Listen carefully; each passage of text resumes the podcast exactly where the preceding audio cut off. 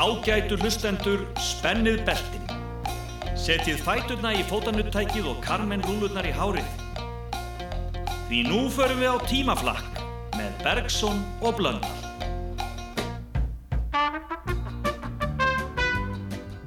Þá leggjum við enna út af tíman svo skellum okkur aftur einn 65 ár. Já, hugsið ykkur, því við byrjum árið 1954 þegar bílalest fórum Siglufjörðarskarð en það hefði verið teft um skeið og þar með ófært til Siglufjörðar.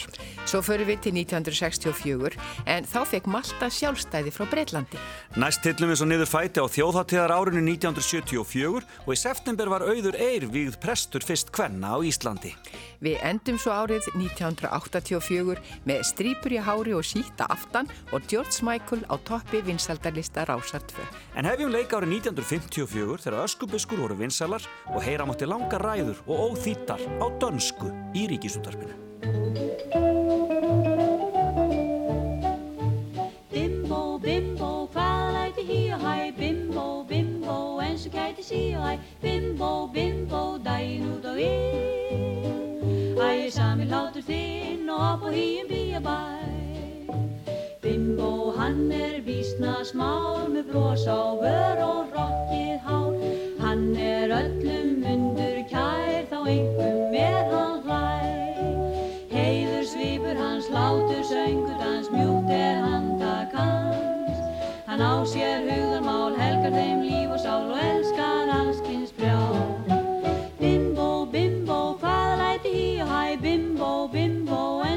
eins og kæti sí og hæ Bimbo, bimbo, daginn út og inn Hæ, sami svipur þinn og upp og í um bíabæ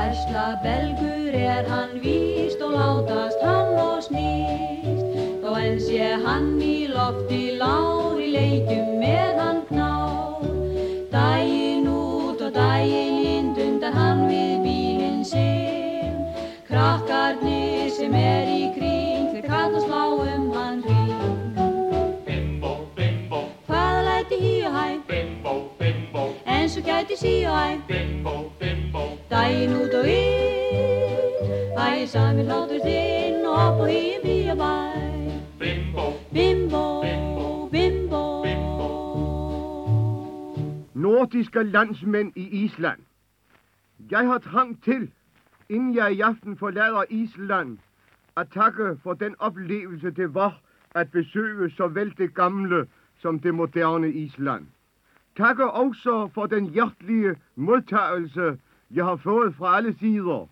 Fra præsidenten, regeringen, pressen, foreningen Norden, Felag Islandska rithøvdenda, men ikke mindst Udover dette mere eller mindre officielle, den modtagelse og forståelse, jeg har mødt hos de mange islændinge i byer på land, ud over det meste af øen, som man nu på timer kan overkomme gennem det fortrindeligt organiserede fluefelag Islands. Hér flutti Jörgen Búkdal, rithöfundur, erindi í útvarpinu og þakkaði Íslandingum höfðinglegar móttökur í Íslandsferð sinni. Eða eins og Jónatan Garðarsson sagði, það töluð allir dönsku á Íslandi í þá daga. Kære John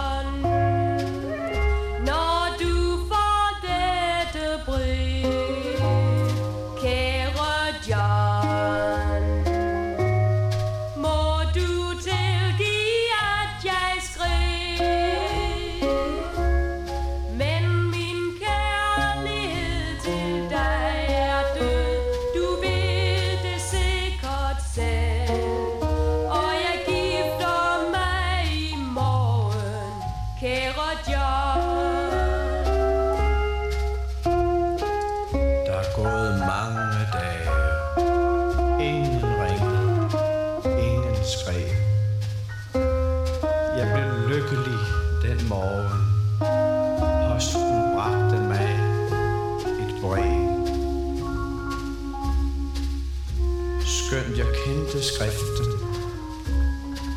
rystede jeg en smule på min hånd. Da jeg åbnede dit brev, og det begyndte,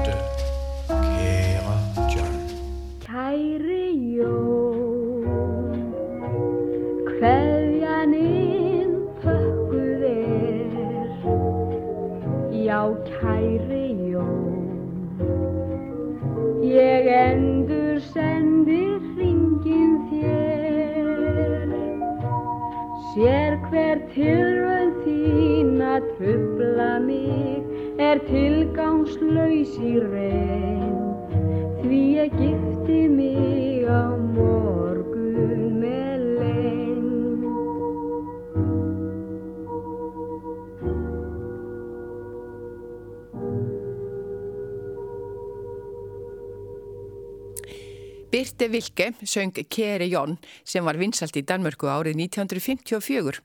Í kjölfarið heyrðist svo hinn íslenska útgáfa með henni dásamlegu Öttu Örnóls. Heyru meira af Öttu hér á eftir. En fyrst eru það illkveli. Morgumblaði 29. september 1954. Háhyrningar eigðilögðu um 200 net akranisbáta, herrferð gegn illkvelum. Klukkan tvö í nótt leggja 17 akrabátar að staðsuðu til Keflavíkur. Flagskipið í flota þeim verður heimaskægi og mun skipstjórin Njál Þórðarsson stjórna sókninni. Í Keflavík ganga hermenn úr varnarliðunum borði í bátana með hrískotarifla og vélbissur. Þegar sjó hefur gefið undanfanna daga hafa jafnan einn eða fleiri bátar eigðilagt netsín af völdum háhyrningana. Er ætlunin að herja á faksaflóadýpunu vestan til og norðan úr. Er vonand að þeim takist að reka þennan vágest af síldarmiðanum.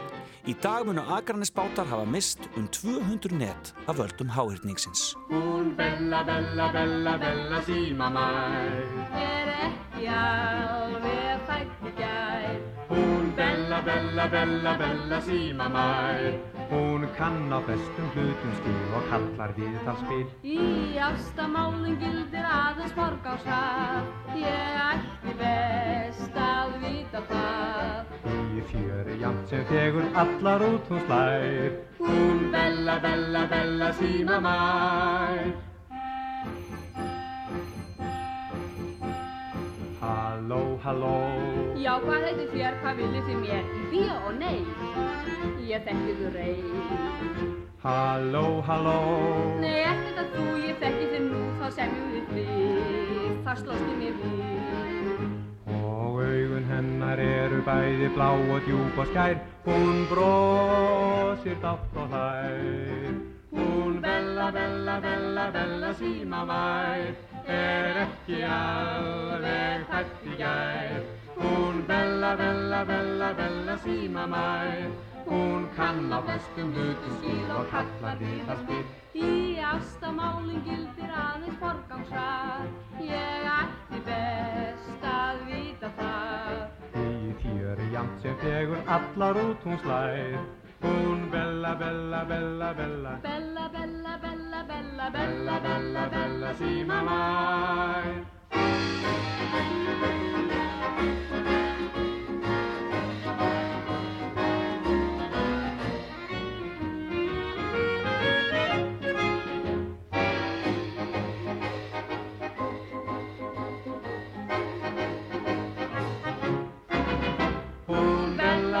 Bella, Bella síma mær er ekki alveg hætt í gær. Hún Bella, Bella, Bella, Bella síma mær Hún kann á flestum hlutum skil og kallar við það spil. Í ástamálum gildir aðeins borgámsrað. Ég ætti best að vita það. Í fjöri jamt sem þegur allar út hún slær. Hún Bella, Bella. Bella, bella, bella, bella, Bella, Bella,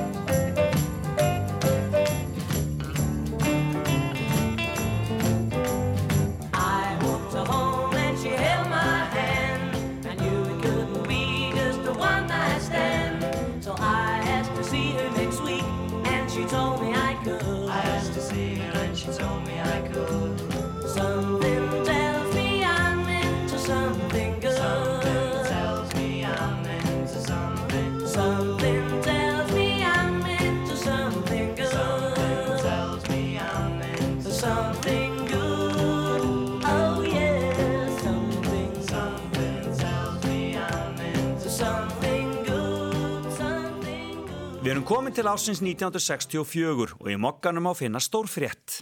Þryggjára og saumar slátur. Oft heyri sagt að unga kynstóðun kunna ekki að meðhöndla gamlan og góðan íslenskan mat, enda þótt margir af henni hafi góða lista á matnum. En þó munu nokkrar undantekninga vera. Því til sönnuna segjum við frá Brynju Harðardóttur í Borgarnesi, sem er fjögur ára og fæst við sláturgerð. Til staðfestingar byrtu við myndafinni frá því er hún fyrst kom nálagt slátri, en það var í fyrra þegar hún var aðeins þryggjára. Brynja Littla er dóttir Harðar Jóhannessonar laurugluvarstjóra í Borganesi og konu hans Fanni er Jónsdóttur. Hjónin eiga fjórar dætur, Solveigu 18 ára, Eigló 11 ára, Huldu Karitas 9 ára og Brynju. Hjálpaðar allar til við sláturgerðina en af síninum mun engrar aðstóðar að vænta fyrir ná næsta ári. Sónurinn er tveggja mánuða gammal. Ég skal gefa þér blóminn blá og boltan minn skaltu líka fá. Ef þú giftist, ef þú bara giftist, ef þú giftist mér. Ég skal kaupa þér kökusnúð með kardemommum og sykurhúð. Ef þú giftist, ef þú bara giftist, ef þú giftist mér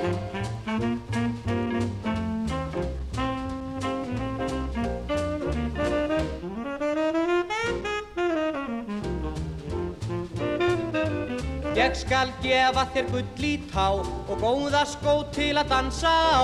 Ef þú giftist, ef þú bara giftist, ef þú giftist mér. Ég skal elska þig æ svo heitt að aldrei við þurfum að kynna neitt. Ef þú giftist, ef þú bara giftist, ef þú giftist mér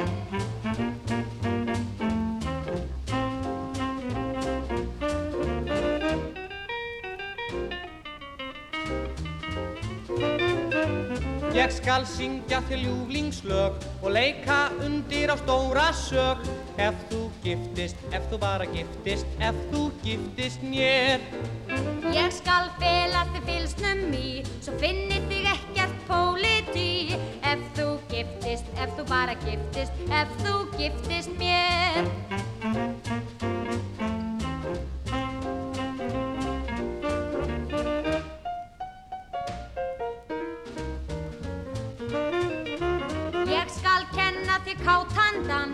káttandans Kissa þig síðan með elegans Ef þú giftist, ef þú bara giftist Ef þú giftist mér Ef þú giftist mér Eftirfarandi samtal við frú Aðalbjörgu Sigurðardóttur er þáttur í hljóðritun persónleira endurminninga um Einar Benediktsson skáld. Hvenær og með hvaða hætti leiðir ykkar Einar Benediktsson að lágu fyrst saman?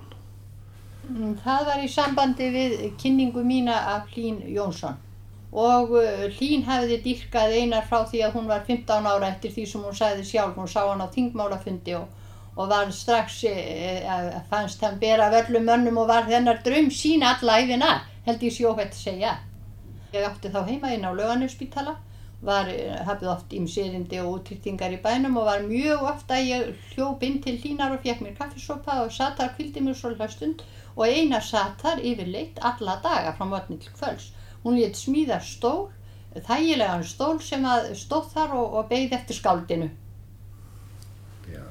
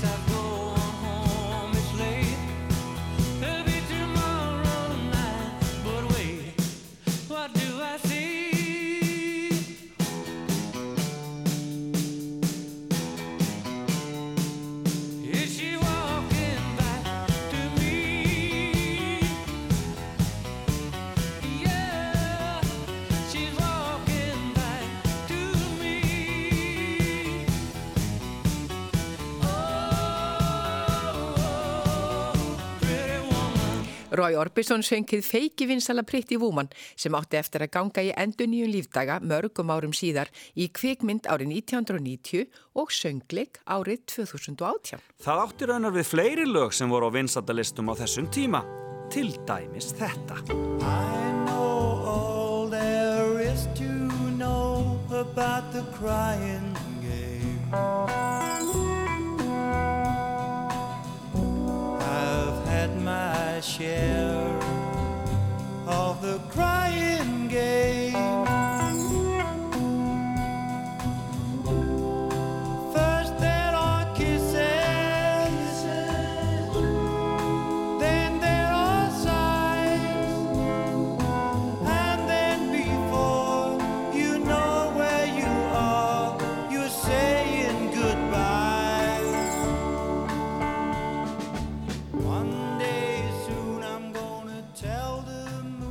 Já, þetta er annar lag sem varð grunnur að kvikmynd árið 1992, þá söng George lagið. Margir hafa raunar reynt sig við það í gegnum tíðina, til dæmis Brenda Lee og Kylie Minogue. En nógun dagur málinn og aftur að alvörinni. Mánudagsblaði 28. september 1964. Hvernig væri að háskólinn réði til sín eins konar háskóla lögreglu um helgar meðan skólatíminn stendur yfir? Undarfarin ár, eins og reyndar alla tíð skólans, hafa flest garðböll endala flakki háskólanema, kvenna og karla um borgina, syngjandi, æpand og öskrandi miðan nætur. Þegar þeir eru á leið á garðana neðan og bæ, gegnir sama máli. Þessi hámentaði líður má eflaust láta eins og hann vill innan skólalóðarinnar en borgarar eiga hafa frið fyrir þessum næturhöfnum. Það er nóg að þjóðin kosti þá til náms.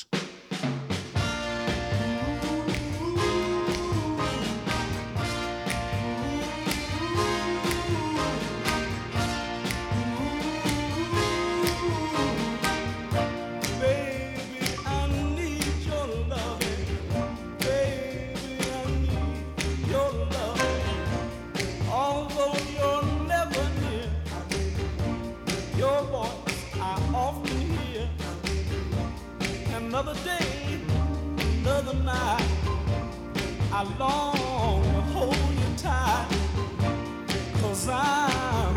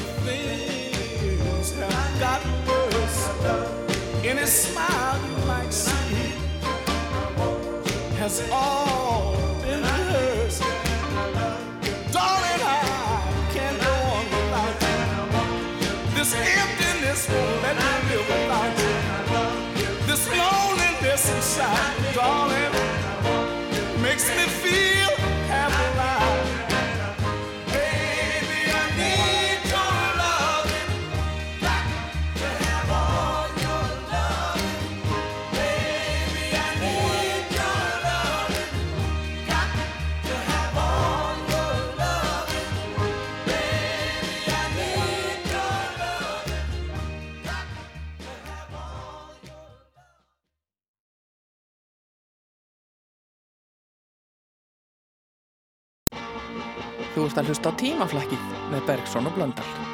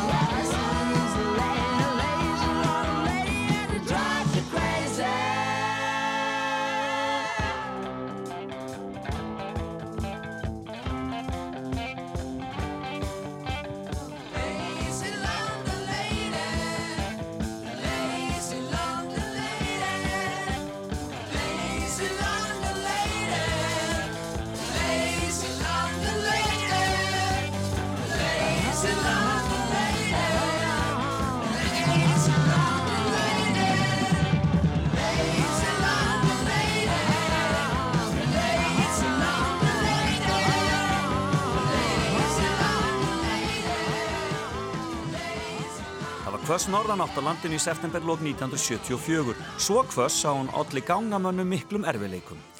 Það var ramaslaust í hrútafyrði svo dögum skipti og slátrun á borðeiri frestaðist af þeim sökum. Í sjónvarpinu lögadaginn 28. september var þáttur um líf og list Liberace. Og kung fu-gaurinn Karl Douglas tilti sér á toppvinsaldalistana.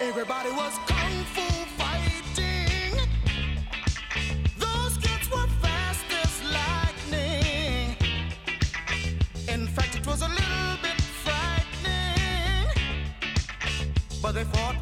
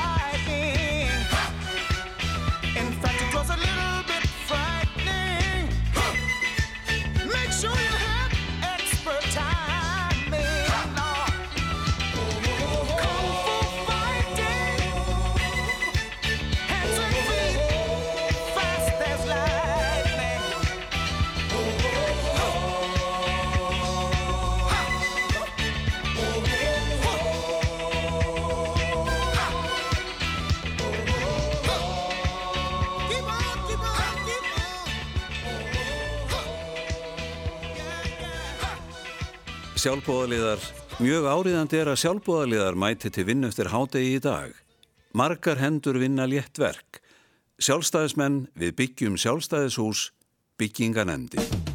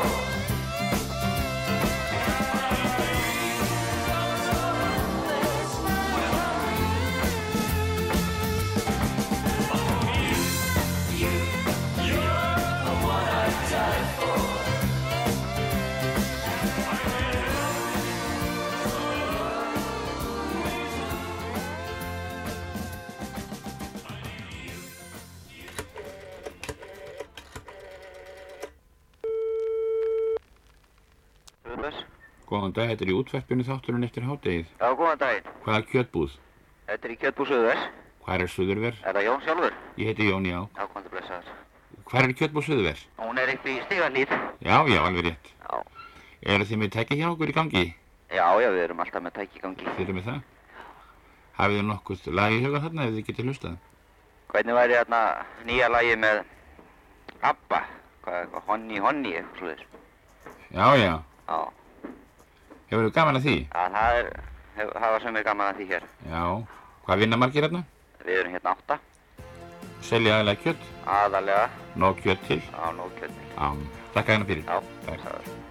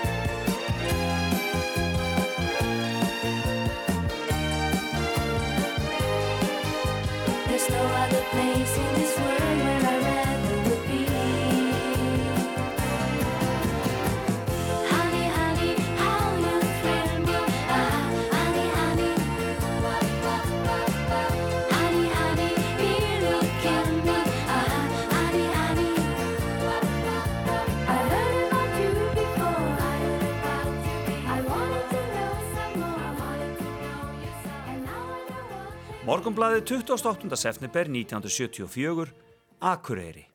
Íbúðarhúsi nr. 20 við Löngumýri og allt sem í því var eidilaðist gjörsamlega löst fyrir klukkan 8 í morgun þegar gífileg sprenging varði næturhittunar geimi undir íbúðinni. Sem betur fór var húsið mannlaust því að hjónin sem þar byggu, Sigrún Gísladóttir og Sigmundur Björnsson, deildarstjóri vátryggingadeildar KEA, voru á ferðalagi.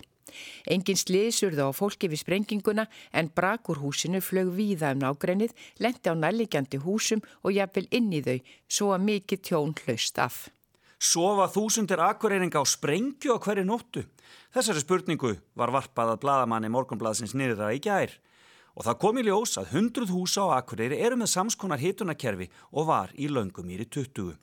Þetta eru einbillishús, hús fyrirtækja og ofinbæra byggingar, skólar og jafnvel sjúkrahús. Að mati slökkulistjórans á Akureyri er auðvelt að bæja hættunni frá með því að setja öryggisvendla á kerfin.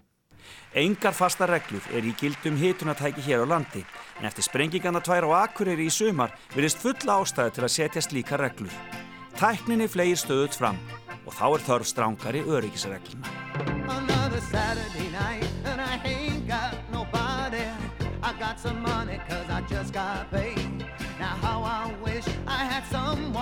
talk to. I'm in an awful way. I got in town a month ago. I've seen a lot of girls since then. If I can meet them, I can get them. But it's yet I haven't met them. That's how I'm in the state I'm in. Oh, another Saturday night.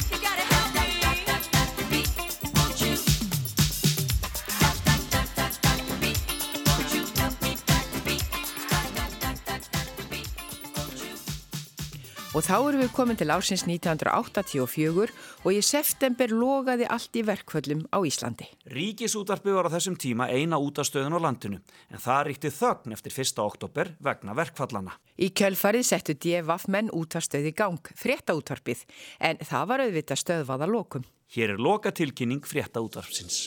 Góður hlustendur, þetta er LLP Skram, rittstjóri. Við neyðumst til að rjúfa útsendingu. Nú þegar þetta er talað, vofir yfir okkur lokum frétta úttasins eftir skamastund. Þeir eru hér mættir, varðhundar einogunarinnar og afturhalsins, sem kerfiskallarnir og ósýpni stjórnmálamenn hafa sigað á okkur. Það er verið að loka á þessa stöð. Þessi stöðun er framkvæmd án dóms um lögmæti eða ólögmæti frétta úttasins og án þess að fulltrúum frétta úttasins sé gett klift að standa fyrir máli sínu. Þeim líkur mikið á varðundum kerfisins þegar frelsið er farið að augra þeim. Fyrirvaralaus stöðun á útsetningum ríkisútarsins var alvarlettur lögbrot og fullkomlega ábyrðarlaus. Og það sem meira er, ríkisútarpið vanendi þá skildu sem því ber að uppfylla með þeim engarétti sem það tæli sig eiga lögvendaðan. Þá og þá fyrst kom frétta útvarpi til sögunar. Ekki til að hengja sig í lagákvæði um einokun og hotlustu við í þar hágauki ríkisvaldið heldur til að þjóna fólkinu í landinu. Til að verja það fyrir upplaust, lögleysum, valdnýslu, öryggisleysi.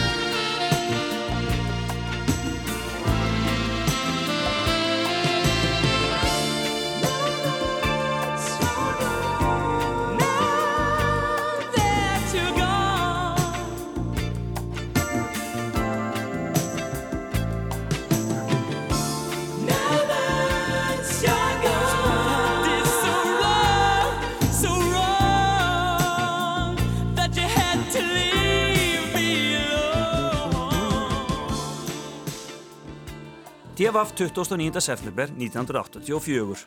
Sunnudaginn 30. september frumsýnir Nýtt líf SF kvikmyndina Dalalíf í nýja bíói. Aðalpersonunar í Dalalífi eru þeir Þór og Danni, hetjurnar markfrægu úr kvikmyndinni Nýju lífi og þeir eru sem fyrr leiknir af Egger Þollefsinni og Karli Ágústi Úlsinni. Auk þeirra koma fram í myndinni Hrafnildur Valbjörnsdóttir, Sigurður Sigurjónsson, Guðmundur Ingi Kristjánsson og fleiri. Myndin fjallar um það þegar þeir félagar Þór og Danni takað sér að gerast afleysingabændur á sveitabíli í kjósinni og hvernig þeim vegnar þar. Leikstjóri Dalalís er Þráin Bertelsson og kvingmyndatökumadur er Ari Kristinsson en þeir sömdu einnig handrit að myndinni. Heyrðu, Hvað þetta að gera maður? Sérðu það ekki, ég er að merkja landið. Það er ekki gert svona, það var klipp í eirun á þér. Þannig er, myndir þú að ég klippti gata á eirun á þér? Heyrðu, við verðum marga mánuði að teikna á eirun á þeim öllum. Æjá, það er satt. Við þurfum að vera til einhver handhægari aðferð að merkja líka. Já. Þetta er ómögulegt. Heyrðu, það þarf nú ekki að vera neitt mál.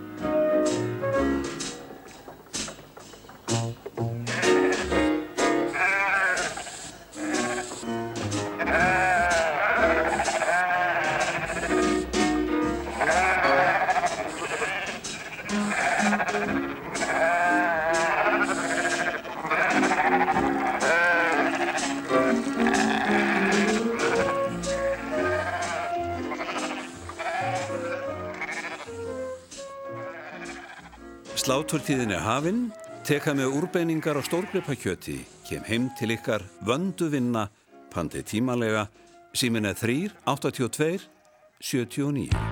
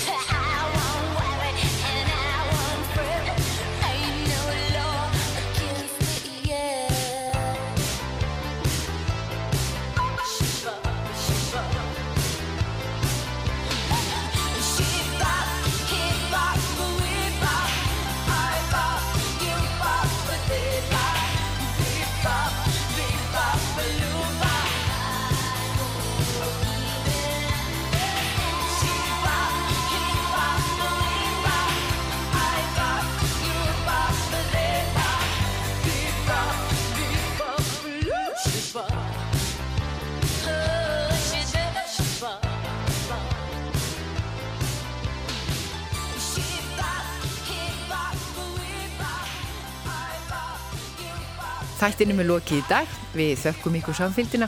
Við þökkum líka tæknimanni okkar Einar Sigursinni og Sigvalda Júliusinni fyrir lesturinn. Heyrumst aftur eftir viku og þá skoðum við árin sem segja og enda á sex.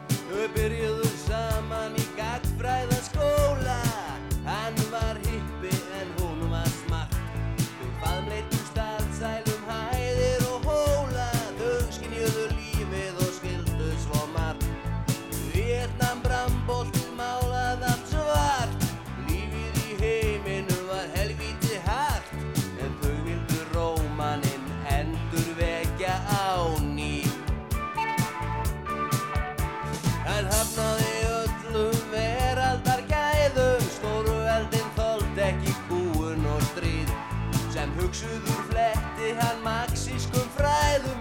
Hún horfði á að lotninga full og svo blíð. Hann utan við kerfið reykti sitt gras. Þóld ekki sundrungu, þóld ekki þras Hann kom